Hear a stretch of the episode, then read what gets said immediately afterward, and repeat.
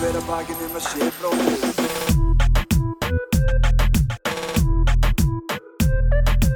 Fyrir hver að bakinn um að sé bróðir eigi.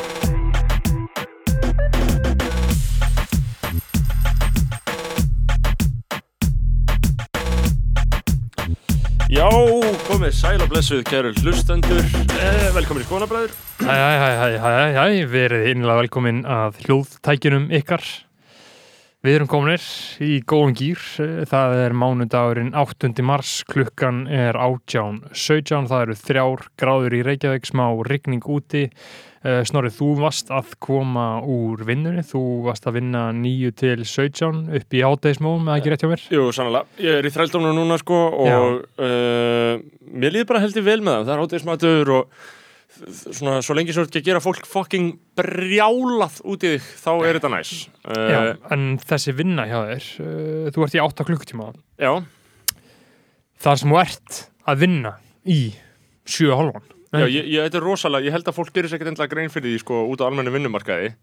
Uh, hvað þetta er mikil vinna sko, eða sko að að þetta er eina vinnan sem þú ert actually að vinna. Ég held að þetta sé eina fáum ennþá fáum, fáum vinnum eftir svona stafrænu byltinguna uh, þú veist, eftir tölvu byltinguna. Já, sem er bara raunverulega krefst ég meina ég held að fólk sem að vinna bara á einhverjum markaðskurstofum og tryggingafyrirtækjum og bönkum þau eru kannski að vinna uh, tvo klukkutíma. Já, já, og þú veist, og, og svona með öllum fyrirvörum um að ég auðvitað hefða gott í lífinu og mitt lífi gott, skilur, og ég, ég en bara svona, ef við tölum um bara svona, þú veist, á yfirstjætta nótum hvaða vinnur eru Já. verri og hvaða vinnur eru betri einmitt.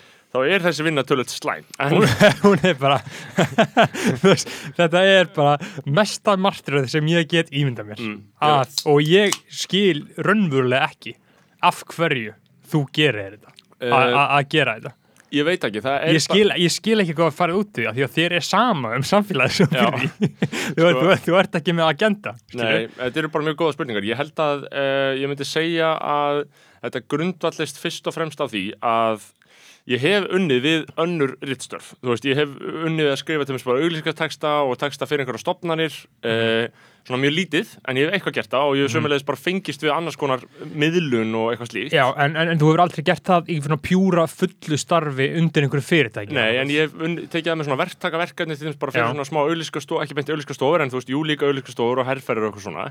Uh, og ég hef ekki verið í fullustarfi við þetta, nei, en ég hef alltaf fundið sömu tilfinningar. Ég fæ bara, oi, barasta, mér finnst það sem ég er að skrifa, mér er alveg sama hvernig það er, Já. mér er alveg sama hvernig þetta fyrirtæki kemur hlutunum frá sér, mér er alveg sama hvað stendur hérna. Og það er öllum í heiminum alveg sama hvað stendur hérna. Það lesið enginn, það er enginn að leita einhvern í merkingu hérna. Veist, þannig að ég held að ég sæki bara í það að, veist, að því að pródútið, fréttin er bara eitthvað svona texti sem allir lesa og vilja lesa og taka marka Já. þetta er einhvern veginn það held ég sem heldur mér í þessu en vinnan viðbjöður og, og ég held að einmitt skilur, þú lítur yfir breiða sviðið eftir tölubildinguna á þau störf sem bara eru til standa fólki til bóða á vinnumarkaði þá er þetta einhver versta vinnan uh, en eins og segir ég, ég, ég, ég, er held að þetta sé versta vinnan Já, en, en sko. málið er að þú veist, það sem hún færið út úr þessu er bara, þú veist, að því ég fæ massíft kick þegar ég er bara með eitthvað höndurum, Mm. ég er að skrifa einhverja frétt og hún er að fara að breyta einhverju og það er allir að fara að hugsa um þetta, skilur þú veist, það er massíft veist, og, og- að fá það bara á launum, þú veist, þá ertu kannski bara fimm tíma ekkert að hugsa um lífið, ekkert að hugsa um að þetta vinnunni, þú ert bara að skemmta þér, skilur Já, og líka það að þetta er gott tækifæri til þess að læra hluti að svolítið pína þig að þetta er svolítið eins og skrifa reitgerir tilgangurum með því að láta fólk uh, skrifa reitgerir er að fá það til að kynna sér málið. Uh, þú veist, það er lærdomurinn í þessu Einmitt. að þú raunverulega þarft að kynna þér málið Kennarinn hefur enga áhuga á því að sjá hvað þú segði skilur, Nei. hann bara veit að þú þurftir að eða tíma í að Já. kynna þér þetta, skilur. Já, og, og það, það er svolítið málið með reitgerum og það er svolítið sama með að skrifa fréttir Mhm. mm. inn á vefmiðil að þú þarft að kynna þér eitthvað svona Já. shit sko. Sem, sem er mér, sumt, uh, mér finnst sumt mjög tilgangslust að vita fullt að dótið sko. Já. það fyrir bara eftir hvernig þú uh, metur gildi uh, upplýsinga og hvað hefur áhuga á sko. En þetta getur verið mjög gott upp á það að gera. En sko, það sem gerist líka er að maður fær sko, eins og Silvija Hall talaði með þess að í þættir, maður fær sko út af því að maður er tilneitur til þess að kynna sér eitthvað málutni, til þess að síðan geta fjallað um það. Af því að auðvitað, þú veist, ef þú þarft að fjalla um eitthvað mál, þá verður að vita a thing or two, skilur Já. hvað við, það- raunverulega bara vita þú veist, þú verður að vita þarna svona eitthvað grundvallaratriði. Það er líka til ákveðin tekník, tekni sem felst í því að skrifa um hluti algjörlega og fara framhjá því á öllum tímapunktum að vita og, eitthvað. og, ma og maður, maður getur síðan strax hvinnar Já, uh, og- um slíkt er að ræða það er mjög auðvelt að bera kjænsla það allan að í sömum tilfellum, en, en ég er að segja að það er tækni til, að, það er svona, maður, ge- maður þróu líka með sér ákvæmna getur til að koma Já. fram hjá en það er mjög sjálfgæft og maður þarf svona almennt að vita eitthvað og það veldi líka að, eins og Silja Hall talaði um þá þarf maður stundum að, sko, þá fær maður stundum áhuga á bara skrýtnum hlutum, skilur Mhm. og bara ég, ég byrja að ne- nenn að lesa einhverja greinar, bara, þú veist, og sem er mjög skrítið og gerir mann bara, þú veist, að, að svona eiginlega verri einstakling, sko, myndi ég segja. Í- miklu frekar en að, þú veist, að því ég horfa vel, velend fólk, skilur, og ég, ég er að, ég er að upplöða þetta í auknum mæli og þetta er ekkert út af einhverju störfum minnum blaðmenn, sko, ég er ekki eins og búin að vera mikið núna í fréttamennsku undanfærið, en þú veist, ég var í matabóðum helgina með uh, kærustum minni og kærustum minna minna og það voru allir mjög sammála um að ég væri leiðilegst með áraðinni og það var bara, þú veist, og menn voru bara að tala um það um og, það. og það var bara alveg talað um og, ég, og, Já. veist, og bara allir bara, já, mér finnst það, skilur, og vissulega kom Jakob Birgisson líka sterkur inn uh, Já, þeir, þeir eru leiðilegir á uh, mismundi hætti sko. Já, við erum leiðilegir með svona ólíkum hætti. Uh, við til þess viljum ekki spila uh, eitthvað svona. Nei. og mér finnst þetta náttúrulega yfirborðsleg allaga til þess að gera að, að góðum mönnum eins og mér og, og Jakobi. Ég, ég, verð reyður, ég fokkin hata að spila. Og ég ætti náttúrulega við ættum að gera sérstaklega kapla um það hérna í COVID Já, að það hefur normaliserast að fokkin spila borðspil. Ekki það mikið samt. Ha, nei, en ég, Eh. þú veist, samt skilur, almennt séð, hver í fokkanu spilaði borðspilina fyrir COVID, nefnir einhver, óg- nema einhver ógið, skilur. Ég veit ekki, ég myndi, uh, ok, spila í 90 mínútur Já, eða sitja og horfa á vegg einn í 45 mínútur ég myndi taka vegginn sko. já, við mögum mögulega ekki, sko. Og, og sko spila eða bara, veist, keira í klukkutíma. Ha, ég, keira. ég, ég myndi keira í 85 mínútur Já, já. ég elska að keira. Uh, skilur, en, en spila, það sem gerist í COVID var náttúrulega, þegar þetta byrjaði þetta síðasta Já. vor, þá hafði fólk ekkert að gera og það var í svona einhverju innilókun og þá fór það að spila Einmitt. og þetta svolítið smitaðist inn í tímabilið sem var þarna þegar frelsið kom Já. þannig að þú veist, það voru kvöld þar sem að þú veist, að því að ég skil alveg og spilir þegar þú ert upp í sumabústað þú ert heila helgi, þú verður að finna eitthvað til þess að hafa ofan að þér og félögunum frá klukkan 8 til 11 bara Já. til þess að gerist eitthvað um kvöldið. það þarf að vera prógrama því að þeir eru svo lengi Já, saman til þess að gerist eitthvað um kvöldið, til að Já. brjóta samveruna upp. Já. uh, og þetta gildi í ákveðnum tilvísingum um COVID. Þetta var fólk sem varst mjög mikið með þegar þú fórst ekkert mikið út fyrir þinn hóp þannig að já, algjörlega, þú veist, ef þið hittist báða dagan einhver, helgi í að spila. En síðan var þetta orðið þannig að skilur við samfélagi vera alveg bar til skilur 11 og síðan þurftum við að fara einhverst og þá var það svona eftirpartíðan að gæsa og þá var það bara bjór og stemning. Og þá taka menn upp spil. Já. og ég er bara eitthvað, gaur, klukkan er að ganga 12 Já, þú en- tekur ekki fucking spil en það En- er bara móðgun. En mér, mér finnst alltaf gaman að spila spurningalegi Já, mér finnst það gaman, af því það Mér- er vitsmunulegt það hefur eitthvað en, en, en það er náttúrulega líka uh, svolítið ógeðslegt uh, og viðbjöðslegt að vilja bara spila þá. Já, það er svona, En- að því að, að því að þú vilt einmitt vitsmunulega dönka á einhvern nei, ég vil ekki dönka á þetta, ég vil læra sjálfur. Ég, þú, einlega, já, mm, ég skilurðu, dönka ekki mikið í Já. spurningaspilum, ég er mjög lélur í því. Hins vegar í alias, þá er ég að því að al, alias alias er körst ógeðslegt spil. Kongalegt spil, Nei. það er eitt skemmtilegast spilið. Nei. en það tekur það að eina sem ég kann í heiminum skilu, það er Mm. alias. En uh, ég myndi ekki ég, myndi, ég tek ekki undir það á gaggrinni að ég reyna vitsmjönulega dönka fólki í spilum af því að, að ég, ég, ég, ég er mjög, það er mjög leðilt að spila mótið mér en þess að ég er mjög tapsár og erfiður og stríðin þegar ég er að vinna og svona skilu, þannig að það er mjög leðilt að vinna, spila mótið mér. En uh, ég hugsa bara allt of mikið út frá notagildi og of mikið út frá, þú veist, við erum utilitarians, skilur og, og þú líka, skilur, maður vill maður vill nýta tíman í eitthvað, skilur mér finnst hitt bara, að það sem gerist um í hinum já. spilum það sem gerist um í öðrum spilum, við erum að spila bara eitthvað, þú veist hvað, Hvað Dirty Hitler eða hvað sem þetta hvað fokkin er. er fokkin og eitthvað svona vísbendingar um eitthvað hver drap eitthvað, ok mér gæti ekki verið meira sama. Og sama með þarna tróleik sem allir voru í þarna kallatir í leiknum í tölvunni, þú veist. Já, já, ég það, Invisibles eða eitthvað. Secret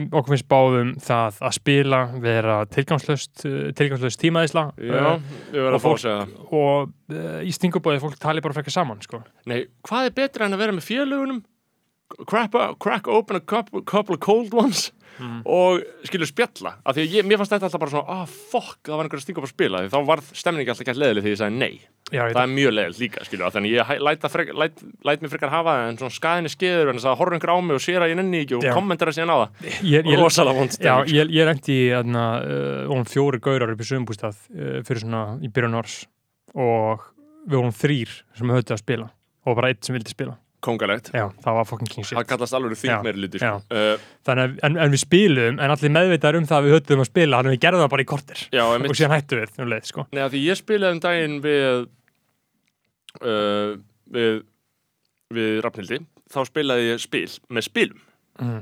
og bara svona eitthvað svona, tvö Mm. Fínt, klukkutíma. allt í lagi, að, og þá var maður í sveitinni líka. að, að, að því að málið er eins og amma. Amma var alltaf að leggja kapal. Já. hún var alltaf að leggja kapal, allar gamlar kettlingar var alltaf að leggja kapal. Já. ímyndaði, þetta var deyfingin þeirra frá ömurlega sársökunum sem var tilvist þeirra var. Mm. Leggja kapal, þetta, þetta er ekkert nema það. Þetta, var bara Fortnite þess tíma. Þetta var, þetta var bara uh, mestradildin og fótbolti og fucking Love Island og allt það þess tíma, Þa, þetta var bara sem hún gerði. Þú varst þunglind gömul kona og þú bara lagðir kapal. Það, það- og það það, sýnir það, líka- það var bara sem hún gerði. Og kapal og krossgátur, ímyndaðir, þetta var eina sem þetta fólk hafði. Já, og, bara til þess að deyfa sig, bara aðeins.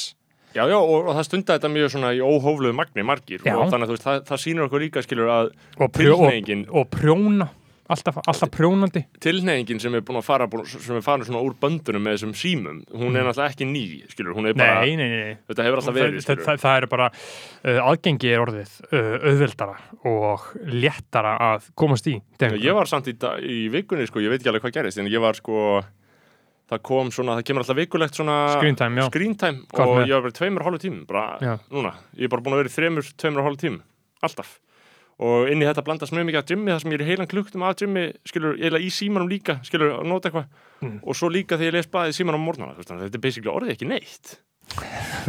Þú, getur sagt þér það sko. Já, en ég menna samt, skilur, er þetta mikið? Tveir og hálfu klukkutími, skilur ég meina, já, ég er með klukkutíma og mér líður eins og ég sé fokkin mikið. Já, mér finnst þetta svo en, ég, en ég, ég, ég er í hörðum aðgerðum alltaf gegn þessu, ég fyrir bara einu svona dag allt og eitthvað svoleiðis já, ég er ekki að gera neitt, sko, er já, af því að en síðan er ég alveg, alveg mikið í tölvunni sko, það, veist, þetta, þetta þýðir ekki neitt sko. Nei, já, ég er náttúrulega líka, þú veist, ég er búin að vera í vinnunni og þá er maður bara, þá er maður á samfélagsmiðlum alltaf daginn að tala, Einmitt. Uh, en sko talandi um, við erum að tala um fjölmiðla uh, það er eitt sem ég langaði til að ræða sem að við höfum ekki endilega sko rætt og uh, farið endilega næla vel ofan í og það er uh, stjórnulífið og Instagram vikunar Já, inn á Vísi og DFF. ert þú á þeirri skoðan að þetta sé problematic?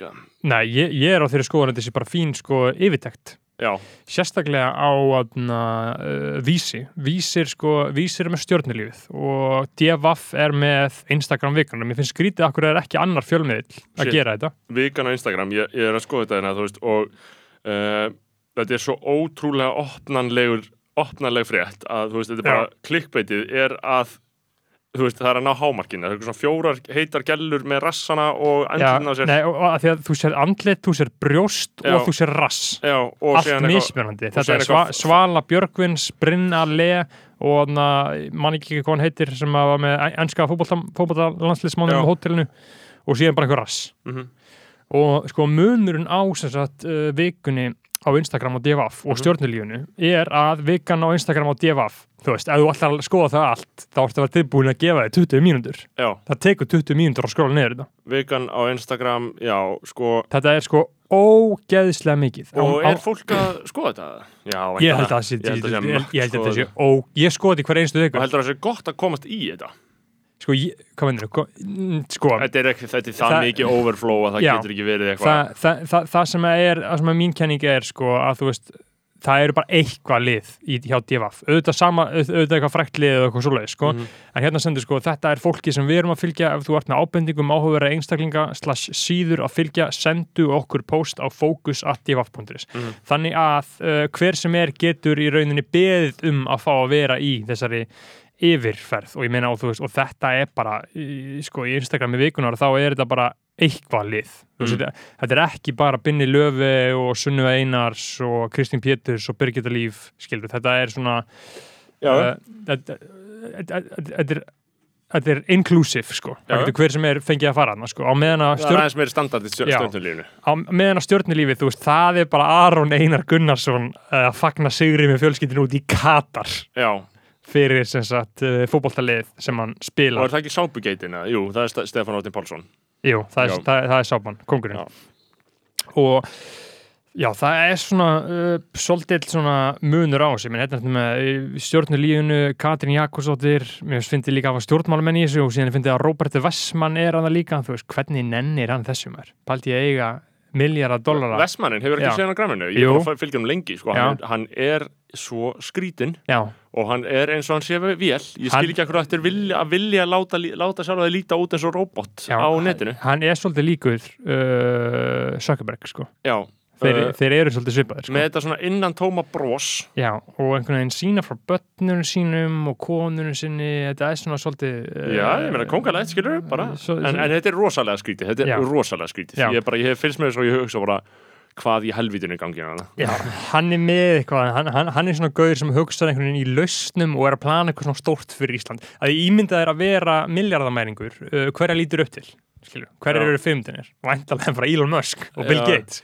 Væntalega langar þið til að vera eins og þeir. Westmanin er náttúrulega með Alvogen og Alvotech og þau Já. eru alveg í þann mund að fara að setja þessi lif á markað veist, fyrirtæki hefur í árabil bara snúist um að þróa lifin Já, og það tekur náttúrulega langan tíma að koma þess á markað Mhm. og þau eru að fara að koma einhverju samhættam lifum á markað og ef að það gengur allt vel, veist, þá er þessi móði fokkar að fara að vera Big Pharma móður riðill hérna Já. Íslandi með hann hefur líka talað um það að hann sé að fara að auka við störf tölvert þarna frá, hjá samstipinu og maður lappar alveg fram í Alvotech og þetta er alveg helviti gott mötuneyti, skilur, þetta er helviti fýtt vinnustæður potjett. Ég þekki fólk sem hefur unnið þannig. Já, já, og episk uppbygging sem er í gangi þarna í raun og veru, bara byggja þetta stóra setur þarna á háskólasvæðinu og sömulegis, veit ekki alveg hvað kemur þetta milli sko Alvotech og uh, Grósku, og hérna þess að sko Gróska, Björgóli Tór á Grósku eins og leggur sig, uh, bara húsið. Það, það er húsið sem að World Class Já, í Vassmýrun er og, og, og CCP hlustendur áttu að sjá því, það var nýtt svona flott annað. hús í Vassmýri við hliðin á íslenska erðagreiningu svona rosa einhvern veginn smá svona Blade Runner feelingur allt svona opið og eitthvað stort lista algjörlega geggja hús, finnst mér. Já,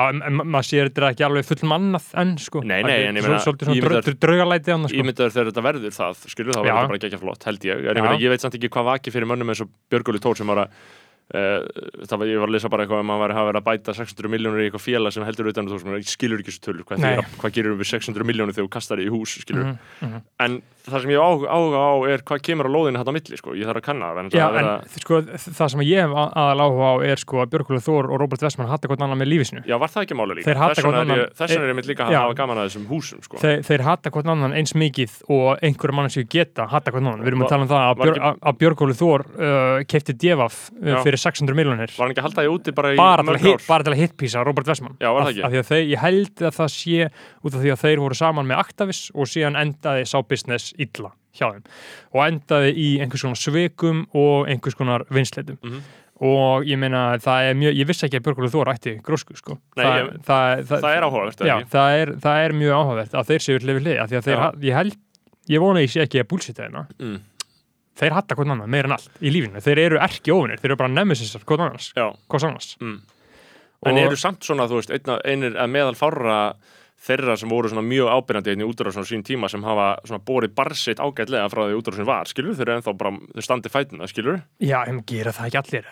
Jú, en nei, nei, Það það gera það alls ekki allir, það var mjög margir sem mistu bara alveg allt og æruna og allt, skilur, en þú veist, þeir eru bara, já, hafa bara farið í fangelsi og svona, skilur, en það var ekki mikið um það endilega, Nei, nei. ég er ekki að segja að það hafi verið nógu mikið endilega og ég hef bara ekki vitað því, en það voru alveg margir sem við Já. þekkjum ekki í dag, sem voru mjög stóri playerar hérna fyrir 15 árum já og, sem að kannski sa, sagan gleymist að og sem við vitum bara ekki dag já, sko, þeir fóru bara low-key eitthvað tók, eitt ár tók eitt ár að kvíabryggju Já, setti. PR í bekknum og lása eina bók sko. Já, já, og átt, eiga, eiga en þú veist, náða að skjóta undan einhverjum 200 miljonar húsum þannig að þeir eru ekkert eitthvað svona, þeir eru ekkert á götunni skilur. Nei, nei, einmitt, og ég, Eh. ég held að sé svo easy að fara í eitthvað svona fangirsi sko. þá Já. er það bara, þeir eru bara 100% með með Avon Barksdale mottoði sko, there's only two days in jail Já. the one you go in and the one you go out sko. málið, sko. og síðan er þetta bara búið sko.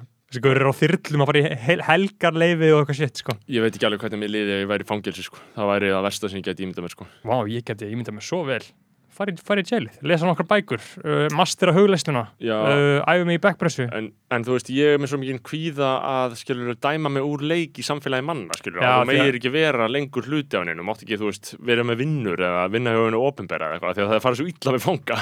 Vá, ég óttast það svo lítið sko. þú veist, ég einhvern veginn ég, það myndur bara vera einhver einirki já, ég meina, þú veist, það er það sem ég langar til að gera. Já, ég veit, skilur, mér, lang, mér langar til að fá mig tattoo á hálsin sem ég mun ekkert um að gera. Skrifa lista háskóli uh, ég fer ekki alveg svo að mér langar að fá mér uh, tattoo á hálsin Já, sko, við vorum að tala um stjórnulífið og Já. vikuna á Instagram um, fórum yfir í Robert Westman, fórum yfir í þetta þetta En þú veist, það er bara mjög sko, líka áhvert að hugsa um hvernig sko blaðamenninir uh, struktúra þetta hjá sér. Yfir, þetta er alltaf yfir helgi, þetta er það sem stjórnunar gerðu um helgina. Já, er hendis inn á mánudum eða sunnudum Já, já, hendis alltaf inn á mánudum sko. In the, Já. Rú, in the Rúrik Gísla uh, So You Think You Can Dance. Það er allt, hvað ætli keiri þann mann áfram? Ég uh, átta mig alls ekki á því sko. Já, uh, sko mm, ég held að ég held að þau náttúrulega bara hljóta týna þetta saman yfir alla vikuna þannig að þau eigi nóg efni. Já, ætlum bara að arkafa þetta hjá sér og, Já, og setja þetta síðan bara fram. Ég meina, en sko það sem ég hugsa og það sem ég gerist hjá mér er þetta með því sko DFF dæmið Mhm. er að ég hugsa, skilur, ok, ef þú fær óbreyttan aðila af því að Já. ég hef svona, þú veist, ég var eitthvað svona sirka skinnbra á það hverjir þarna eru svona hverju mjög svona relevant áhrifavaldar og að, hverjir aðrir eru bara einhvern veginn, þú veist, ég, þú veist að stundum kemur eitthvað fólk og maður er bara, "Bíddu, af hverju fokkan með þessi manneski áhrifavaldur? Það er alltaf Já. að gerast, bara, ha, af hverju, þú veist, hvað Já. er við þessa mannesku? já, þetta er bara einhver Kara, Kristel og Harpa Sól Já, og maður veit ekki, maður veit ekki, maður missir, maður missir yfirsýn yfir það Mhm. hvað þau gerðu Já. til þess að fá fræð, til að öðlast fræð og það sem ég held að, þú veist, að því þegar ég fyrir gegnum DFF, þú veist, það er svo mikið af rusliðaninni, skilur Mhm. þá get ég alveg sirka svona, svona greint svona, svona hismi, svona kjarnan frá hismi, hi- hismi frá kjarnan, skilur, og vitað, skilur, ok, þessi er alveg frægur, þessi er ekki alveg frægur, Já. en ég held að utanakomandi af það, bara svona 37 ára forröndarar sem svona eru svolítið með svona slagsíðu gegn áhrifavöldum, svona Mhm. hata þetta, það finnst svona nængag vibes en heim, svona, svona, ný, ný, nýbúin að uppgöta þetta er slæmt skilur já, eða, eða svona einhvern veginn seg, hafa alltaf sagt að þetta sé heimst, heimskulegt eða eitthvað svona. Þú veist, finnst gaman að segja að ljósarar stelpur sér heimskar bara. Þú veist, það, er, það, það er það, ég held að það sé grunntilfinningin í þessu mm Einmitt. uh, þeir segja, skilur uh, þeir farin að divaf og segja, þú veist, sjáu þetta veist, þetta er það sem er að gera, skilur en þetta, er, þetta er það sem er aðeins þetta er vandamálið, skilur, þetta er svona nængag væpið, en En þegar það er ekki alveg, þú veist, þess vegna finnst mér divafdæmið tæft, vegna þess að þú ert að gefa fólki plattform og út að láta þess að sé frægur sem hann er ekki. Mhm. Og ég, ég fíla það ekki, sko. Ég vil hafa þetta alveg elitisma eins og vísi. Það er erfitt að komast að inn, skilur. Þú, þú ert ekki bara hver sem er aðna. Einmitt, að hér er þetta bara einhver, þú veist, bara sko, bára beauty make-up, bara bara eik, eitthvað fólk, sko, eitthvað, algjörlega eitthvað, sko, og ég, og ég, einmitt, ég veit ekki alveg hvort er, uh, hvort er betra, sko, að hleypa fólki að eða, eða ekki, sko, að hleypa fólki að, þá ertu bara eitthvað, hérna eru samfélagsmiðlar, en hitt er eitthvað svona smá fréttamat, skilur. Já, en hérna samt, sko, þetta heiti samt, sko, bara vegan á Instagram. Já, það er nefnilega svolítið fyndið. Þetta heitir Já. bara vikan á Instagram. Já, reyndar að segja þetta, vegan á Instagram er fastur liður og dfaf.is á mándagsmórnum uh, þar sem við skoðum hvaða myndir sló í gegn á Instagram síðustu daga. Já, en þetta er bara hvað myndi sló í gegn. Veist, Já. þetta getur verið, er ekki, þau eru ekki að segja fræga fólkið. Einmitt, þetta getur verið bara uh, Ok, þannig að hvað sem er. niðurstaðan. Þetta eru mjög ólík pródúkt. Vikan á Instagram og já, vegan á Instagram og stjörnulífið, já, bæði mjög slæmt, bæði, þú veist, úrkynjað, viðbjörnslegt og, ógæslegt, já, sko. ég tek ekki sérstaklega afstöðu sko, jú, auðvitað er þetta viðbjörnslegt en, þú veist, en mér finnst það samt, þú veist, þetta er ekkit viðbjörnslega en bara það sem lífið okkar er nei, nei, nei, og, og fólkið þarna hefur ekkit séð til sakarunnið alls ekki, þetta er allt bara pottið, bara gott fólk og Já. uh, er bara bara, li, li, lifa sínu lífi, sko. og á sama tíma, ef maður fer út í konar svona blaða mann, svona journalistic mat á svona fréttagildinu, þá finnst mér þetta líka bara alveg eiga erindi og fólk, það hafa margir áhuga að skoða þetta Algjörlega, þetta er speila samfélagið, þetta er heimild að vinna Já, eitt sem að ég set, mér finnst að ekki setja Bjarnar Ben og Katrín Jakobsdóttir inn í stjörnulífið. mm.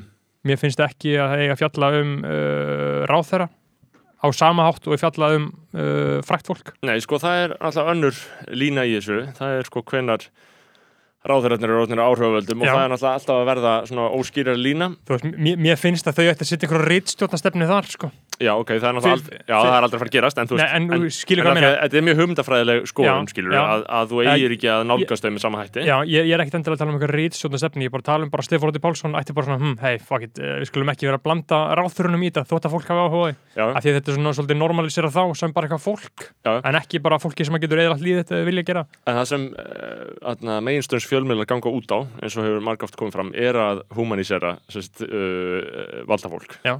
Það er það sem við, that's what we do. Uh, ég farin að sletta svolítið mikið af ennsku í þáttunum, ég fór að hugsa á það um daginn. Það er allt í lagi. það var einhver að senda mér skilaboð um það að við ættum að hætta að segja já, mhm, aha, mhm þar að segja, þú veist, þegar viðmælendur eru að tala Ha, af við- hverju ættu að gera það? Að þeir stundum, stundum er það smá pyrrandi skilur þegar ég sjálfur að hlusta, þú vilt bara einhverjum sem lift að tala. Af og til, en þú vilt heldur ekki að hann lendi í einhverju reytjósar, hann þarf að fá staðfestingu á að hann sé verið að hlusta á sig Þa, það til þess að nú hann haldi áfram að tala. Þetta er tekník til að halda, halda fólki í gangandi sko, Já, þess að, það, það snýst ekki endilega um hlustandan heldur bara viðmannandan líka. Mm. þannig að hann finnir fyrir því að verið að hlusta á sig. Af því að ég það út. Já, stundum getur það alveg gerst að maður allt í henni byrjar að hugsa um að fokk, ég glemt að taka þvóttverðan og, eh, og þá dettur út og þú vilt ekki að viðmannandan haldi að þú Sonur út En sko, þetta er, þetta er svolítið tvíbænt vegna þess að gagvart hlustandanum þá er þetta, þú veist, jú, það væri betra ef þetta væri bara ekki, en gagvart uh, honum aftur á móti er þá líka meiri líkur á að viðmælandin segja eitthvað meira ef þú ert að halda honum aðeins ferskum. Já. Þannig að þú veist, þetta er svolítið svona þannig. Uh, þannig að ef þið eru að láta fara eitthvað tjóður, fucking fokki ykkur, Já, skilur. já. Uh, og já, við vorum að tala um Áslögu Örnu, hún var í viðtali á Bylgunni um Mhm. helgina, þar sem hún var uh, að segja að það væri hræstni að það mætti ekki auglýsa áfengi Mm. uh, og þetta er náttúrulega gömul sagan í að hún sé með þetta mál í Já. fanginu Já. um, og tilefni viðtalsins var að einhverju leiti auglýsing frá brjórnum túle sem Viking framleiðir sem ég veit, vænti þess að þú hefði séð á förnum vegi Já, ég sá þetta uh, í ártúrsbrekkunni Ok, já. Stort billboard þar það er verið að blasta þessu uh, og skilabóðin eru, þetta er bara einföld síða skilabóðin eru uh, Túli bruggar léttbjór bara til að geta auglýst. Mhm. sem sagt Túli bruggar léttbjór bara til að geta auglýst að minnstakosti heiðalegur léttbjór, þú veist. Uh, sagt bara þannig ég útskýri það þú veist, þú mátt ekki auglýsa bjór, þú mátt ekki auglýsa áfengja drikki uh, þannig að uh, eins og við vitum öll þá eru bjórfyrirtækin þá hafa þau háttað þessu þannig að þau auglýsa bara léttbjór og minna þannig á einn vöru. Eða á Facebook og Google eða þá auðlýsa alveg bjór á Facebook og Google af því það má, það, það, það er hægt að banna það það, það er og það er gert grimt, ég fæ mjög Já. mikið að þennan auðlýsingum en það er samt bannað að auðlýsa í íslensku fjölmjölum þannig að þú veist, íslenski fjölmjöl að vera af mjög miklum tekjum sem við gætu haft að þessu Já. uh, og það fer til Facebook og Google En ég meina, máttu ekki auglýsa þetta í podcasti uh, ekki bjór held ég Nei. Nei, nei, þú myndið alltaf þurfa að auglýsa létt bjórin, kannski, þú veist. Viking Light, einmitt. Uh, ég þess að drekka Túborg uh, pilsner, uh, nei ekki pilsner heldur alveg bjór, Túborg núna og veist 18.43 á mándegi, ég er alltaf sorglegur en ég er fyrstur. You, you tell me what that means. en það er náttúrulega út af fyrir sig, ég meina hvað finnst þér um það? Veist, finnst þér ekki smá stúpid Ha, ef við tölum um stöðu íslenska fjölmiðla að þú megir ekki auðlýsa bjór hjá þeim, Jú, auðvitað, já. Auðvitað. Ég nefnilega þú veist að því að svona mjög íhaldsamir menn eins og Jakob Birgisson sem eru alfarið á móti áfengi Mhm. yfir höfuð og þá engum sagt, afnámi engasölu og sömulegis sko auglýsingum Mhm. uh, ég er bara svolítið að færast frá þessu sko, þú veist Ég meina, ég, já, ég, ég er bara á því að lega fólki bara að gera nákvæmlega sem það vil gera, sko. Já, Af hverju ætti ríkið að hafa vit fyrir fólki hvort þið að drekka áfengi eða ekki? Ég líka bara hugsa út frá stöðu fjölmjöla það væri bara Já. svo næst, það væri, það væri sko ógæðslega mikla tekjur Einmitt. þú veist bara ímyndaður á sumrin að þú gæti bara farið með stóra herferðir í blöðin með einhver, einhverja bjóra og eitthvað shit, skilur Já, ég meina, fólk er alltaf að fara að drekka saman hvað. Þetta er bara spurning um hvað þau ætla að drekka. Já. Þetta er ekki spurning um sko hvort þau muni drekka. Þú ert ekki að fara að auka, allan eins og ég skilir þetta, Já. þú ert ekki að fara að auka neysli fólks, heldur ertu bara að fara að stýra í hvað þau drekka. og mér er alveg sama hvert það fer, skilur fólk er alltaf að fara að deyfa sig, uh, whatever, sko. sjóna með á móti þessu er það að þetta muni auka neyslu bjórs og þú Ég, ég held ekki, er ekki talað um það, var ég að koma með þessu hugmynd fyrstur að þetta muni bara stýra því, uh, Nei, nei, það, þú veist, auðlýskastofunar myndu taka undir með þér, þú veist, vinstir grænir myndu segja það sem ég er að segja, að þetta muni auka bit- bitch ass vinstri grænir, Já, já. uh, uh, held, ég held að þessu nokkuð að horfa þessar línu. Pottjett, Uh, og, grá og súr, já, uh, svo og fucking súrt lið, sko. uh, þó að vinstir grænir séu náttúrulega okkar flokkur reyndar, en Nei, uh, alls ekki. þá, þú veist, uh, þá eru við först þarna, það, að sko, Mhm. það sem ég finnst líka bara heimskulegt, og veist, og þá tala maður svona náttúrulega líka eins og bara mjög basic frjálsökjumadur. Mhm. Það sem ég finnst þetta heimskulegt er að þú getur auglýst þetta á samfélagsmiðlum en ekki blöðum það, það, það, er bara einfallega, það er absúrt. það er bara einfallega absúrt Þú, þú, þú þarft að viðurkenna ósigurðin. Já, Þú og þarft að taka ellið Einmitt. og díla við það. Einmitt. það. Það er sem átt að gera. Já. Hvernig dettur þessu fólki í hug bara að leifa þess að gerast á Facebook og Google? Þú var einhvern bannar allt, Já. eða ekki. Mhm. Það er fárán. þau hafa ekki tökað því að banna Google þau, og þau geta það ekki. Einmitt. Það er bara risi sem að trakkar að. Já, þannig að þau þurfa að leifa þetta allstar, finnst mér uh, það er einn ángi á þessar umræðu og það er náttúrulega svo umræða sem þessi auglýsing frá Túle hefur vakið Mhm.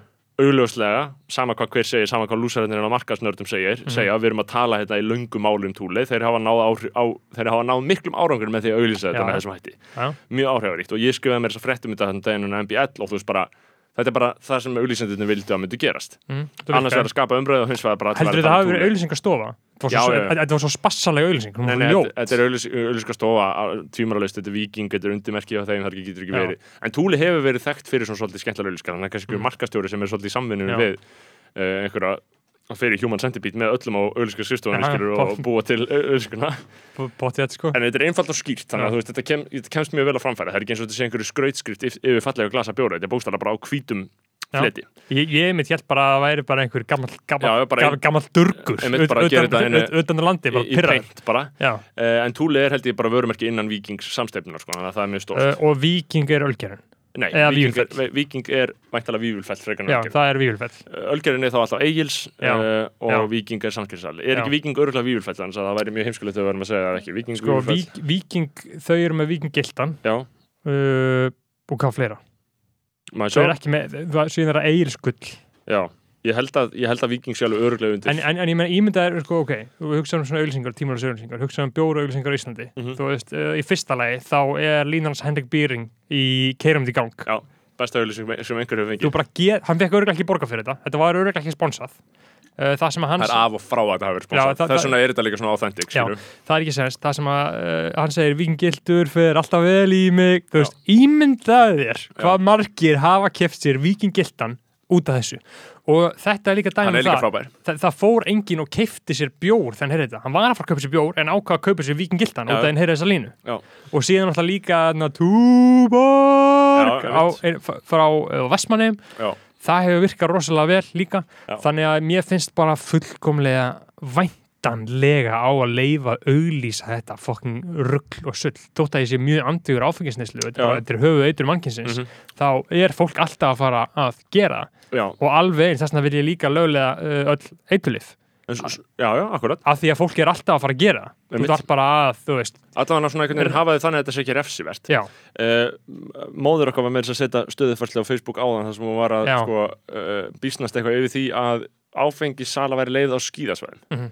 Uh, og, uh, og fyrst var ég með líka eitthvað svona já, eh, akkur er áfengissala leið og sem var eitthvað vinnu minn sem sagði mér sagði einhver tjatti bara, bara hvernig í alvörunni ætti mann ekki vera saman bara, hvernig má Mhm. fólk ekki bara gera það sem Já. það fucking vill Mhm. bara af hverju höfum við svona ríka tilneyingu til þess að ákveða hvað fólk má gera hvað, Mhm. hvað í alvörinu, þú veist, að því að þú hugsa bara í grunninn um grunninn, hvað ert að gera akkur Mhm. að segja manneskján megi ekki bara þetta er fáralegt í raun og veru. Þannig ég er líka á því, svo lengi sem þetta bitnar ekki öðrum þá nei, bara, nei, og svona ekki sem það verður ekki einhver slis eða eitthvað og, og pluss, þú ert, ef þú ert að drekka í einhverju skíða, skíðasvæði Mhm. þá ert að vita upp á skömmina. Þú ert, þú ert auðvirðilegur einstaklingur Já, já. að öllum líkindum Mhm. og, og þá liggur það fyrir en ég þarf ekki að refsa þér með einhverjum lagarama uh, og síðan er þriði liðurinn í umræðu en Áslögu Arna er alltaf rosalega klókur stjórnmálamæður, hún getur nýtt sér þetta alltaf Mhm. og það er, hún fær bara, ég get lofað því að hún fær verulega mikil atkvæði út af þessa umræðu og út af þessa atkvæði sem þessi umræðu hennar fær Já. frá ungu fólki og þú veist, ég, ég tek ekki aftur til þess, ég bara segja að það er bara mjög vel reikin pólitík hjá henni Mhm. uh, hún fer í ógæðslega mikið af viðtölum um þetta. Hún leggur þetta fram á ný aftur og aftur og aftur og fólk trúir einlega að hún vilji koma þessu í gegn og hún vill það. Já, og þegar og- hún mun geta það, það mun hún gera og það er ekki bara með auðlýsingarna, heldur það líka með afnám sem er alltaf stóramáli í þessu Mhm. engasölu á áfengi, einfallega sko bara að, að, að bólusa á tjóðafer ég bara stið það. Já, stið það fullkomna og ég segja þótt að að ég stið hann ekki já, þá já, stið ég þetta, þessa og, pælingu. og ég segja það sama þarna sko. og þessi, þessi, þessi, þessi litlu brugghús uh, því ég var að hlusta á uh, Erpur var með í hlaðarpinu sínu uh, eitthvað brugghús, Rúpan, vinnur aðra hann, hann, hann, hann og Stefán Pálsson sagfræðingur og vinnur hans voru í podcast, podcastnars Erps. Hvað heitir það, steði eða eitthvað? Eru þið báðir, já, voru, B. hvorum sig eða saman eða? Þe, sko þeir voru saman, þetta var mjög skrítið. Ja, þeir voru eitthvað nýjir sponsorar. Það var þættir um að einmitt, Þannig að Erpur fekk þá í þáttin en þeir töluðu eiginlega ekkert, það var Einmitt. bara Erp, Erpur og Stefán Pálsson uh, og voru þeir að drekka bjóra í settinu? Já, já, og Rjúpan og við hann það svona. kongulegt ég klára ekki þáttina en ég veit ekki alveg hvað fór að tala um. En þá voru þeir að tala um sko að bara þú veist að ferskasta sem er í gangi á Íslandi uh, eina nýsköpunin já, í einhvers konar vöru Mhm. í einhvers konar uh, framleiðslu og einhvers konar stemmingu það er allt í þessum brundheila brúris, Já. þessum mikrobrúris Mhm. þessum litlu brugghúsum sem eru náttúrulega bara mjög djúplega skeggjaðir með stóra brundtanka Já, þessi þeir- tankar eru, það er Já. alltaf einn það er svona kvóti, það Já. verður að vera einn tankur sem er alveg tróðfullur af fersku sæði já, já, já, og þeir lepja það upp uh, first thing in the morning Já. um leiðið mæta Já. og síðan halda þær áfram að fá sko bjór uh, aðna, fróðuna á bjórnum upp Já, í í sitt og þurrkan ekki þannig að hún forni inn í skeggið Já, þeir eru- og síðan verða skeggið þeirra hörð og þeir láta þau snertast eru, þeir, eru þeir að nota danska skeggólju sem að færa auðlista Já, þeir eru að nota danska já, alveg tvímæla lust allavega þeir sem eru svona verri típunar svo eru svona eru auðvitað kongar, sko, kongar. En já, uh, þeir, þeir voru að tala um þetta að þetta er bara það feskasta sem er í gangi. Og þetta eru bara gaurar að, og Erpur var alltaf hann, alltaf elska, hann er, hann er uh, ofsatrykkjumæður, mm Mhm. segir hann sjálfur Já, sko, og var alltaf uh, að segja þetta er ekki kapitalismi, þetta er ekki kapitalismi að Og- það þarf að vera mótið honum by Já. default en, en, en þetta er það ekki. Já. Þetta er ekki kapitalismi út af því að þetta eru bara gaurar oftast, ég ætla ekki að kynngera þetta en ég ætla að gera, ég ætla að leifa mér að álíkta sem svo Já. að meir hluti þeirra sem að reyka mikrobrúri séu með ég held að það sé ekki hvern fyrir þurfa að geta framleitt sæði þannig að ég held að þetta sé uh, KK aðilar já, sko. Uh, ég er nokkuð vissum það. Mm. já, uh, þá var, er, Erpur að segja þetta eru bara einhverjum þrýr gaurar með einhverjum drauma sem elska bjór og eru bara að búa þetta til og eru ekki að reyna að mók græða á þessu. Veist, þetta er bara raunverulega heiðalegur og góður rekstur. Já sem ég við um auðvitað það. Styðjum 100% sko, við viljum hafa þetta stöndugt og skemmtilegt og fjölbreytt atvinnulífi í landinu. Þar sem Já. að alls konar skemmtilegt sitt er að gerast. Já. þú kemur í eitthvað partí og kemur í eitthvað stúpid útskrift og það var einhver crazy, veist, brund lakrísbjór í bóði og þú smakkar bara, bara bjór sem á að bræðast þess að hestasæði eða hvernig þeir eru að hafa eitthvað, skilur og, og þá er það bara áhugavert. Þetta er íslensk framleysla, bara gerð frá upphafi til enda á Íslandi, þó er flytin einhverja brundhumla hérna að utan eða hvernig það er, ég Já. er reyndar um að gera, ég held að þetta sé bara mjög íslensk framleysla Mhm. Þannig að þú veist það er bara galið að gera þess ekki hátt undir höfði. Þú veist, af því að við erum líka með náttúruvínin. Þú veist, náttúruvínin er öll innflutt og það er svolítið æði. Mhm. Já. en þú veist, þetta microbrewery, það er alltaf ógeðslegt æði per se, en þú veist, það, það er samt alveg gaman ef maður drekkur bjór og fá bara eitthvað kaldan, ferskan, flottan bjór, hvernig ekki drullu saman? fínt, þú veist, ég fæ ekkit út úr þessu af því að, að, ekki, að, að, að ég er ekki með bræðuleika ég hef ég ekki gaman að ég vil helst bara hafa hann, skilur, ég vil helst bara hafa hann, skilur, viking gildan, en ég er samt líka bara mjög spenntur, ég var ógslag til að fara eitthvað lítinn túr með Stefán Pálsson þar sem hann myndi lýsa fyrir mér einhverja bjór Já. hefðum minn á Íslandi, skilur, hví ekki. Mhm. Eh, það sem Áslaug Arna er raunverulega að reyna að breyta núna. Það sem hún er að reyna að breyta, það sem hún er að reyna að breyta uh, og svo, sorry, hvernig eru svona ærumeðingar á pólitíkus? Mætt, Eh, þú veist, hvað megum við kalla á slörnu? Megum við uppnefna hana? já, Skilur. já. Ég held á megir sko segja Mæ- hvað sem er, Já. basically, vegna þess að það væri svo alvarlegt ef að Já. fengið að gera eitthvað við þig, skilur. Uh, hittir, hittir að hvað hlustundum þykir sæmilegt og Já. ég veit vænti þess að flesti hlustundur séu nú bara svona svirka svona líglað gagvart þessu Mhm. uh, en nei, það sem ég er að segja með áslöðurna, það sem er að reyna að koma í gegn núna og það sem Mhm. er orðið þannig útskýrið það bara á pólitískum stuttum nótum það sem er orðið stjórnarfrumvarp þar að segja ríkistjórnin leggur fram frumvarp og það er mjög sjaldgæft að stjórnarfrumvarp sem ríkistjórnin leggur fram Mhm. verði ekki að lögum þannig að þau eru að leggja fram stjórnarfrumvarp Mhm. sem kveður á um það að brugghúsum, smarri brugghúsum Mhm. verði leift að selja bjór í smásölu á framleiðslu stað Já. Ok, þannig að þú ert með öruglega nokkur mikrobrúri, þessu kveldum, smarri brugghús. Já, sem Eh, eiga bara að opna bar hjá sér eða bara selja Nei, þetta. Er þau með bara að selja kippu, þú mátt bara Já. fara, þú veist, ef það er einhver brugghús sem það eru, það er fullt af víðu dreifum Reykjavík. En, en hinga til akkur núna mega við bara að selja frá dælu eða ekki, þau mega bara að opna bar einu Jú, jú, þau með Já. það alveg, en, en síðan þurfum við að selja ríkinu bjórin og bjórin sel, sel, Já. það uh, En þú veist, ef þú ert með brugghús, pældu í því hvað það er stúpid. Þú mátt ekki bara setja flösku sjálfur og sem bara selja vinninum það er, þú þarft að setja bjórin í flöskuna, setja hann upp í rassina okkur bjúrokrata og leið, láta hann fæða út. Láta hann fæða út þar sem hann er búinn að slíma með líkamann og, og með bæta verðið. görnunum Já. og gúknum á sér. Já. slengir skatti ofna og rukkur eitthvað fyrir þjónustuna. Rukkar örgulega fyrir þjónustuna. Og, það, og, veist, og ég verð bara að segja þetta er skinsamlegt framfaraskref Þess, þetta frumvarp, að við erum að tala um veist, að ég er með tölfræðin, ég er að lesa greina um þetta við erum með 28 brugghús á landinu, ef við segjum það bara Mm. 25 þeirra uppfylla þau skilir að vera smærri brugghús innan gæsalapa Það er að segja að þrjú eru stór og restin eru smerri. Eru þrjú þá bara Egils og Vígulfell og eitthvað eitt annað? Já, líklega. Mhm. Uh, og þú veist, væntalega borgbrukhús kannski þarna sem framleiði kalda og allt það, Bríó dettur það í hug, ég veit það ekki en þú veist, það er allan að af því sem ég fekk, fekk, fekk best síða þá eru 28 samtals og þrjú eru stór Mhm. Uh, þannig að það eru 25 lítil brundhús á landinu, það er náttúrulega líka ákveðin uppgötun þetta að fyrirsögn. En uh, 25 brundhús Mhm. uh, og þau eru bæðið hérna Reykjavík og svo er þetta líka bara flott hús ég meina eins og líklega til þess að siglufyrði, þú ert með segul skilur, þú mátt ekki fara þangað að kaupa bara kippa bjór, þú ert bara einhvern veginn að fara í ríkið á siglufyrði þar sem Já. að það er kom, búið að koma þeim fyrir, skilur það er svo sem ekkert eitthvað mikið vesen en það er samt bara fáralegt, skilur Það er, uh, það er raukt, bleikt og brúnt rassaslím á, á þeim. það er algjörlega út úr kámað af því Jep. uh, og það sem uh, þau eru að reyna að breyta er bara þetta uh, og ég held að þetta fari í gegn. Auðvitað er þetta vissulega þannig sem ég finnst líka allt í læg að þetta, þarna er þetta að byrja naga höndina og um leiður byrja að gera þetta þá muntu gera meira, þú veist, það, þú veist ef að síðan Já. sjálfstæðarflokkurinn fær aftur dómsmálaráðandir eða hvaða ráðandir sem er þá geta það haldið áfram þessari, vegferð.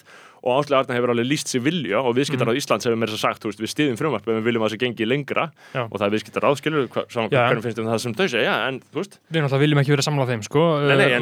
Og saman en og, og- á sama tíma viljum við alveg vera sammálaðið um sumu, sko, því þau eru líka flott í einhverju ákveðnu tilliti, sko. Já, ég meina eins og allir. Já, já, Eins og bara Hitler Já. var heldur listrætn og góður, sko. já, ég held að það sé ekki alveg sambarlegt þar, en þú veist, Ég meina að ma- maður gæti verið saman honum í hinu þessu. Hann vildi gott líf fyrir fólkið sitt. ég er alveg sammála því. Skilju. Eh, National Socialistisir, Já. sosialismin, hann er góður. Mm. Eh, eh, sko, hvað var ég að segja? Ég var að tala um frumvarpið. Eh, og ég held að þetta fari í gegn. Þannig að það sem átífaf R var, og það sem rataði fréttir hérna á dögunum, var að, að, að, að, að að átífaf R uh, væri ósátt við þetta. Þau sendin 25 blað sína umsögn við frumvarpið Einmitt. vegna þess að þegar það koma frumvarpin í kerfi þá getur þú, þú, getur, getur þú ef þú vilt fara að skrifa 25 blað sína umsögn um þetta og þá er það bara berð á másun það er ekki sérstaklega mikið vægi Nei, nei, einhverju samráðskátt eitthvað kæftæði. setja inn umsögn þar og hjóla í frumvarpið og segja bara að þetta sé mjög illa vegið að átífaf og þau vilja alls ekki að þetta gerist. Auðvitað ekki. uh, og mér finnst það bara svolítið fyndin tilhugsun í raun og veru sko, að, og það kemur ekkert óvart en mér finnst bara svolítið fyndið að hugsa út í það að við séum eitthvað svona ríkisbatteri og þú veist, það er með einhverja lögfræðinga og það er með einhverja, einhverja uh, stjórnendur sem er að segja þetta sem þú veist hvað, eru bara að gæta sinna einn hagsmuna vegna þess að þau vilja stopnunin sín geri sem mest? Já, skilur, bara, hvað bara, bara einhver sem að vinnur þarna, bara eitthvað... Já, veist líka, þau, það, það er ekki það, það, er- það ekki hagsmunir, ég skil ekki hverja Já. hagsmunir þetta vera, skilur Þú veist, Ég akkur meina, þau vilja þeim, bara þeim finnst bara gott að fá dósinnar upp, upp í rassina sér, inn í magan á sér Já, og, og punga punga hann þeim síðan út. Þeim finnst það grunna bara gott. Þú veist, af því að maður hugsa bara eitthvað svona, ég skil ekki alveg hvernig, þau segja, sérst, þannig ég kóti þau, segja, þrátt fyrir að fyrirliggjandi frumvarp láti ef til vill lítið yfir sér við fyrstu sín, er þið höggvið stort skarð í rótgróna engasölu íslenska ríkisins á áfengi með því að heimila hér hagnaðardrifna smásölu áfengar að drikja. Með þeirri undan þá sem frumvarpi gerir á fyrir myndi forsendur fyrir rekstri átífaferð að öllum líkitum bresta. Þau eru að segja bara að þetta myndi gera út af við átífaferð sem er náttúrulega líka bara, þú veist, ég skil ekki ekkur átífaferð getur ekki laga sig hann í um tíma, en það getur náttúrulega líka verið ákveðið agenda en þess að sko, þau fara rauk fyrir því að skilur ef að þessi sala færi í gang eða færi massíf smásala í gang á vettvangi þessara s- litli, li, sma, smæri brugghúsa sem ég tel vissulega ólíklegt ég Mm. tel ólíklegt að þetta myndi færast mjög mikið yfir til þeirra Fólk myndi ekkert nenna því. þetta er aðalega breytara líka, þau fara já. mæntilega ennþá í ríkið Þetta er bara eitthvað svona nýs kæftæði. Uh, en þau setja upp svona einhverja katastrófiska sviðsmynd þar sem að 47% af allri sölunni er að færi bara yfir til þessa fólks. Já. uh, Og hvað með það? og að þá væri rekstra grundvöldinu brostinu þá myndi ég hugsa bara, þú veist, já, þá lægi þið ykkur aðstæðum og fara að selja eitthvað annað, eða hvernig það er þú veist, þau eru bara eitthvað stofnun sem er bara að sinna þörfum tímans þegar ekki að vera eitthvað sjálfstæð, þegar ekki að hafa sjálfstæðan vilja þegar ekki að hafa sjálfstæðan vilja. Uh, og það sem sjálfstæðismyndin það sem myndin alltaf takast endanlega þarna væri að virkilega högga skarð í rekstur átífaferð það hefur verið markmiður að mjög lengi að koma þessu Þa, einkasölu það er markmið og ég meina og mér finnst þótt að mér finnst áfengi vera eitt mannskæðasta og hræðilegasta eitulif uh, mannkynsjónar, Mhm. ég meina það er bara sannað það er bara allir óbeldisklæpir og allt, allt það hræðilega í heiminum gerist á þetta er virkilegur skaðvaldur. Allt það hræðilega, en ég veit bara ef það er bannað, fólk finnur sér leið. Já. það er alveg jafn auðvitað ef þú ert gaur sem ert að fara að drepa áfengi Mhm. Þá auðvitað áttu við önnu vandamál að styrja en bara áfengið. Og þú ert að fara að finna þér áfengi sama hvað það kostar, ef þú ert tilbúin að drepa þá ertu tilbúin að kaupa þetta á einhver svörtu marka eða einhver svona já, væntanlega áttu bara að geta kiftið það hvað sem er og reyna bara einhvern veginn að reyna að laga róta vandamálsins. Af hverju vill Gaur berja konuna sína og keira fullur, skilur? Já. Af að, hverju gera menn það? þú ætti ekki að taka á hún flöskuna heldur að reyna að senda henni meðferð. Já, eins og einhver var að segja þarna með þarna, viðtalið við Harry og Meghan og hann einhver að segja look what happens when you put men in therapy.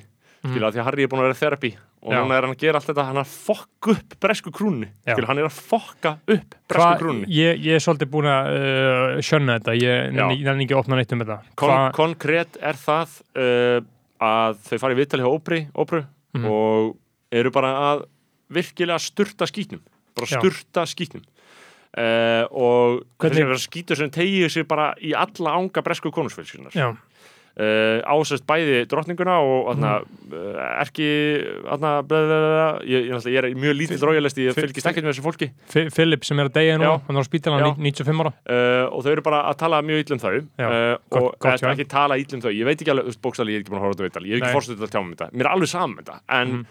mér finnst það bara fyndið. Og það var líka eitthvað fyndið mým um að skilur domino, svona, þú veist, þau eru svona domino effekt og svona pínu lítinn kupp fremst og síðan efsta dæmið, hefur, Já. veist ekki hvað mým er að tala um? Já.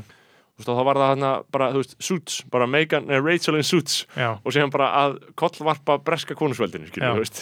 Það byrja alltaf og hún bara svo Já. heit í Suits að hún enda á að kollvarpa breska konusveldinu sem er ógeðst að fyndið, sko. sem er alltaf bara frábært þetta er alltaf bara batnanýðingar og ógeð Já, upp til hópa og sko. hún var mjög heit í Suits því verður ekki neita heldur.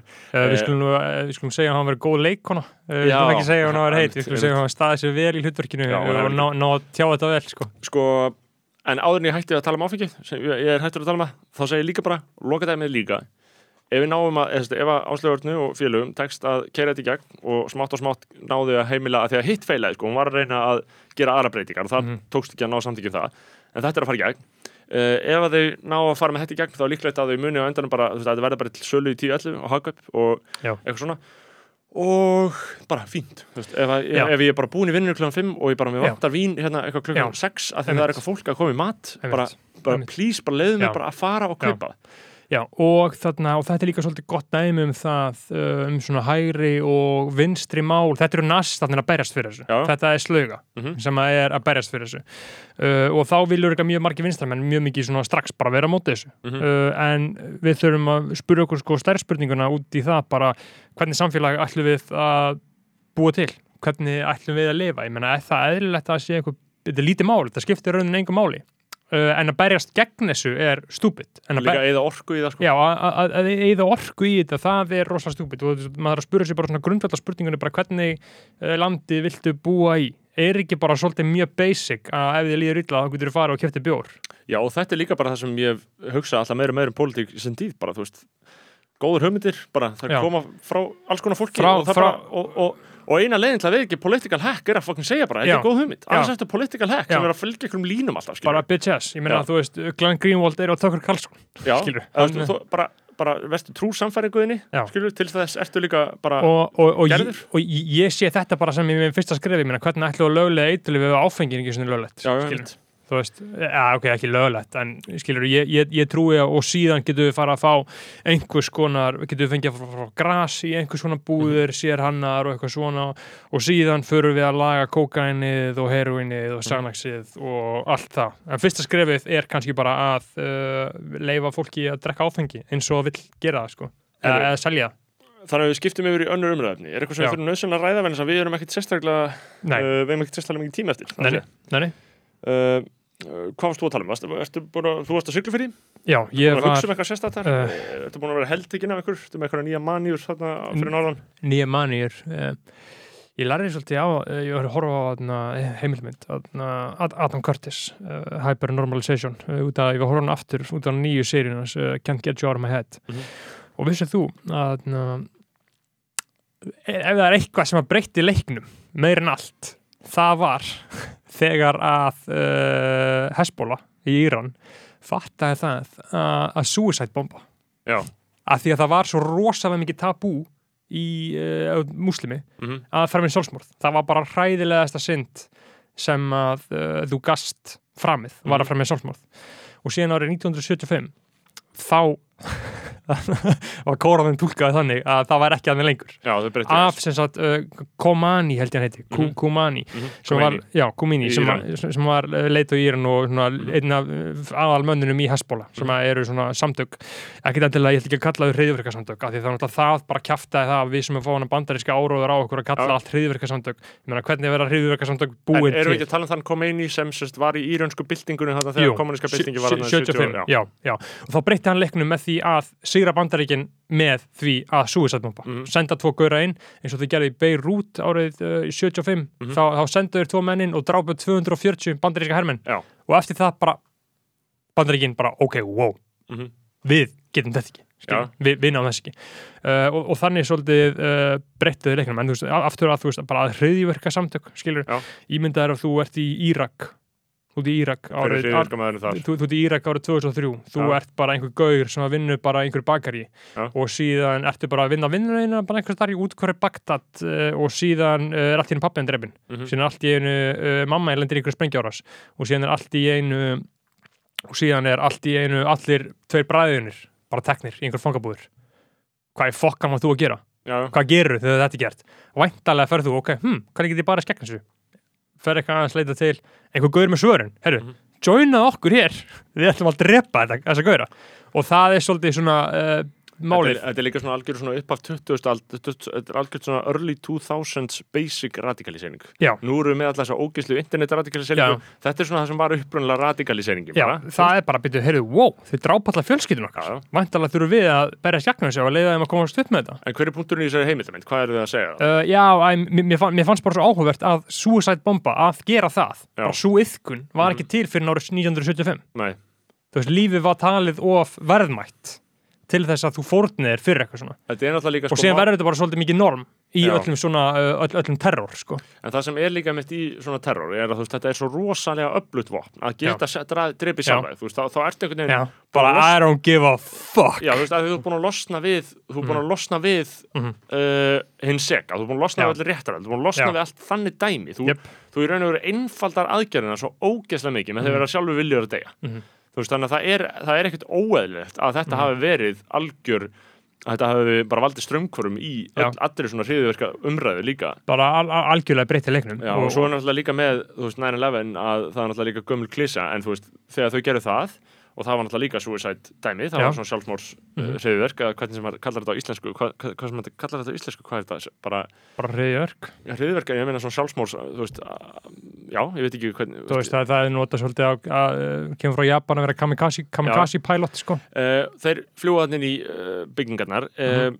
og veist, það er svo fyndið hvað þetta hefur áhrif á lífmanns bara til lengdar, þú veist, þetta Mhm. hefur bara algjörlega breytt hvernig flugvellir eru, Mhm. þú veist, í gamla dag, þú veist, ef þú fórst hérna flugvöld 1960 þá fórstu bara beint út í vél, þú bara fórst með Já. töskunina beint út í vél, Já, sem er svo fucking fyndið. Við, við, erum vönið því frá því að við erum, að við ölumst upp bara þegar við erum litlið, þá erum við alltaf svona, skilju, það er alltaf bara fucked up mikið öryggi. rosalegt gerfi, rosalegt vesen og uh, al, al, alls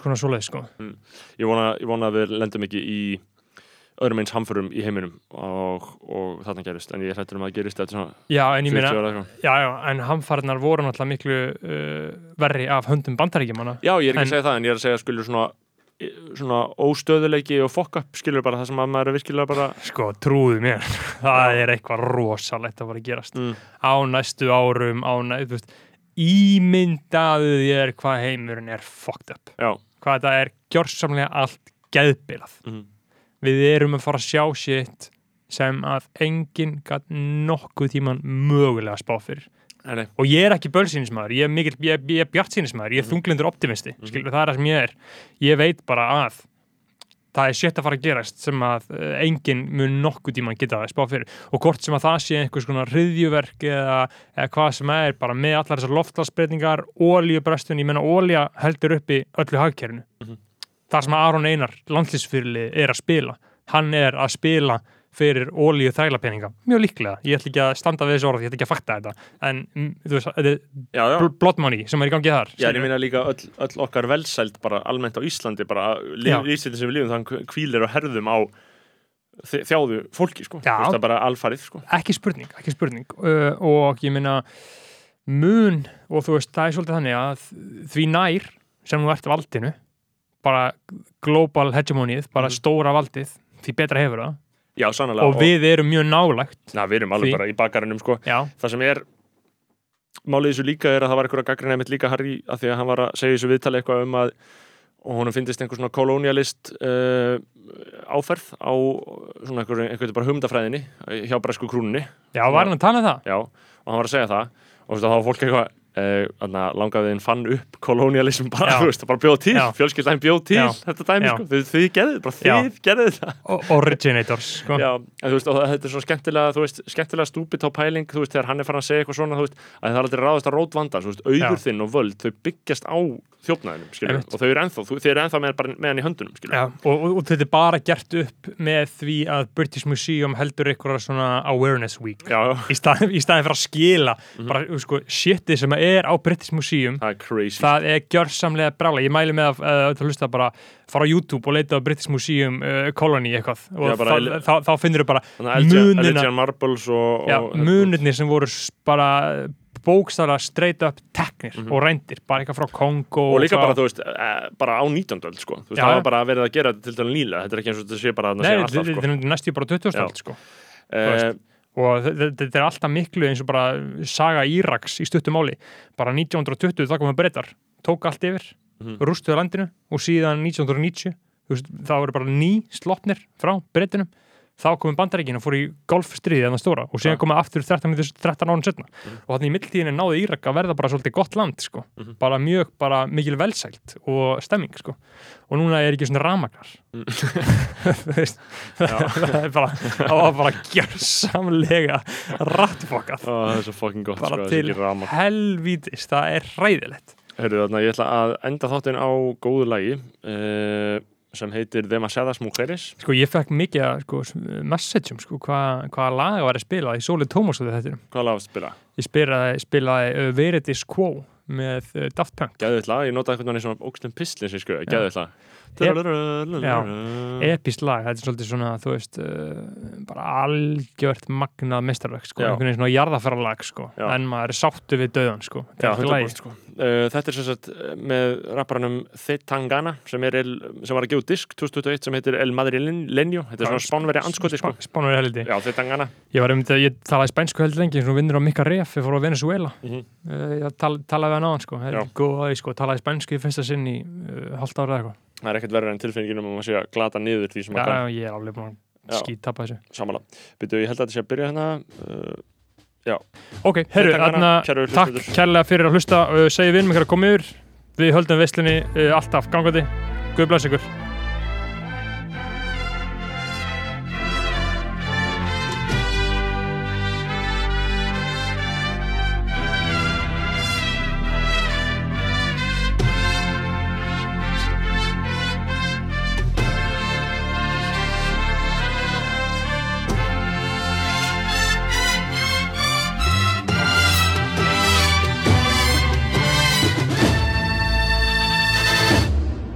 Desfilaba en Milán. Con 21 campañas de Prada y ahora duerme aquí. La miro pensando cuánto faltará para que empiece a odiar. La forma que tengo de amarla tan mal mi manera de huir. Que no puedo parar. No he olvidado el olor De la que me follé en el baño de un garito borracho en Berlín. Escuchando un tecno que me hace empujarla como un animal. Música del infierno que sonará el día de mi funeral. Aún me acuerdo de ti demasiadas mujeres, demasiadas mujeres, demasiadas mujeres, demasiadas mujeres, demasiadas mujeres, demasiadas mujeres, demasiadas mujeres, demasiadas mujeres. Un WhatsApp sin abrir, hablando de cosas que no dicen nada para ver si aún estás. Borracho en Miami, volando para la yo de vuelta a Madrid. Cuéntame cosas que no me hagan daño cuando volverás. ¿Qué horas por allí? No me puedo olvidar de la que me dijo que siempre pa' siempre estaría pa' mí.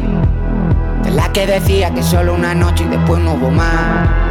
De la que se fue con mis ganas de amar, mis ganas de vivir. No la he vuelto a encontrar. Demasiadas mujeres, demasiadas mujeres, demasiadas mujeres, demasiadas mujeres, demasiadas mujeres, demasiadas mujeres, demasiadas mujeres, demasiadas mujeres.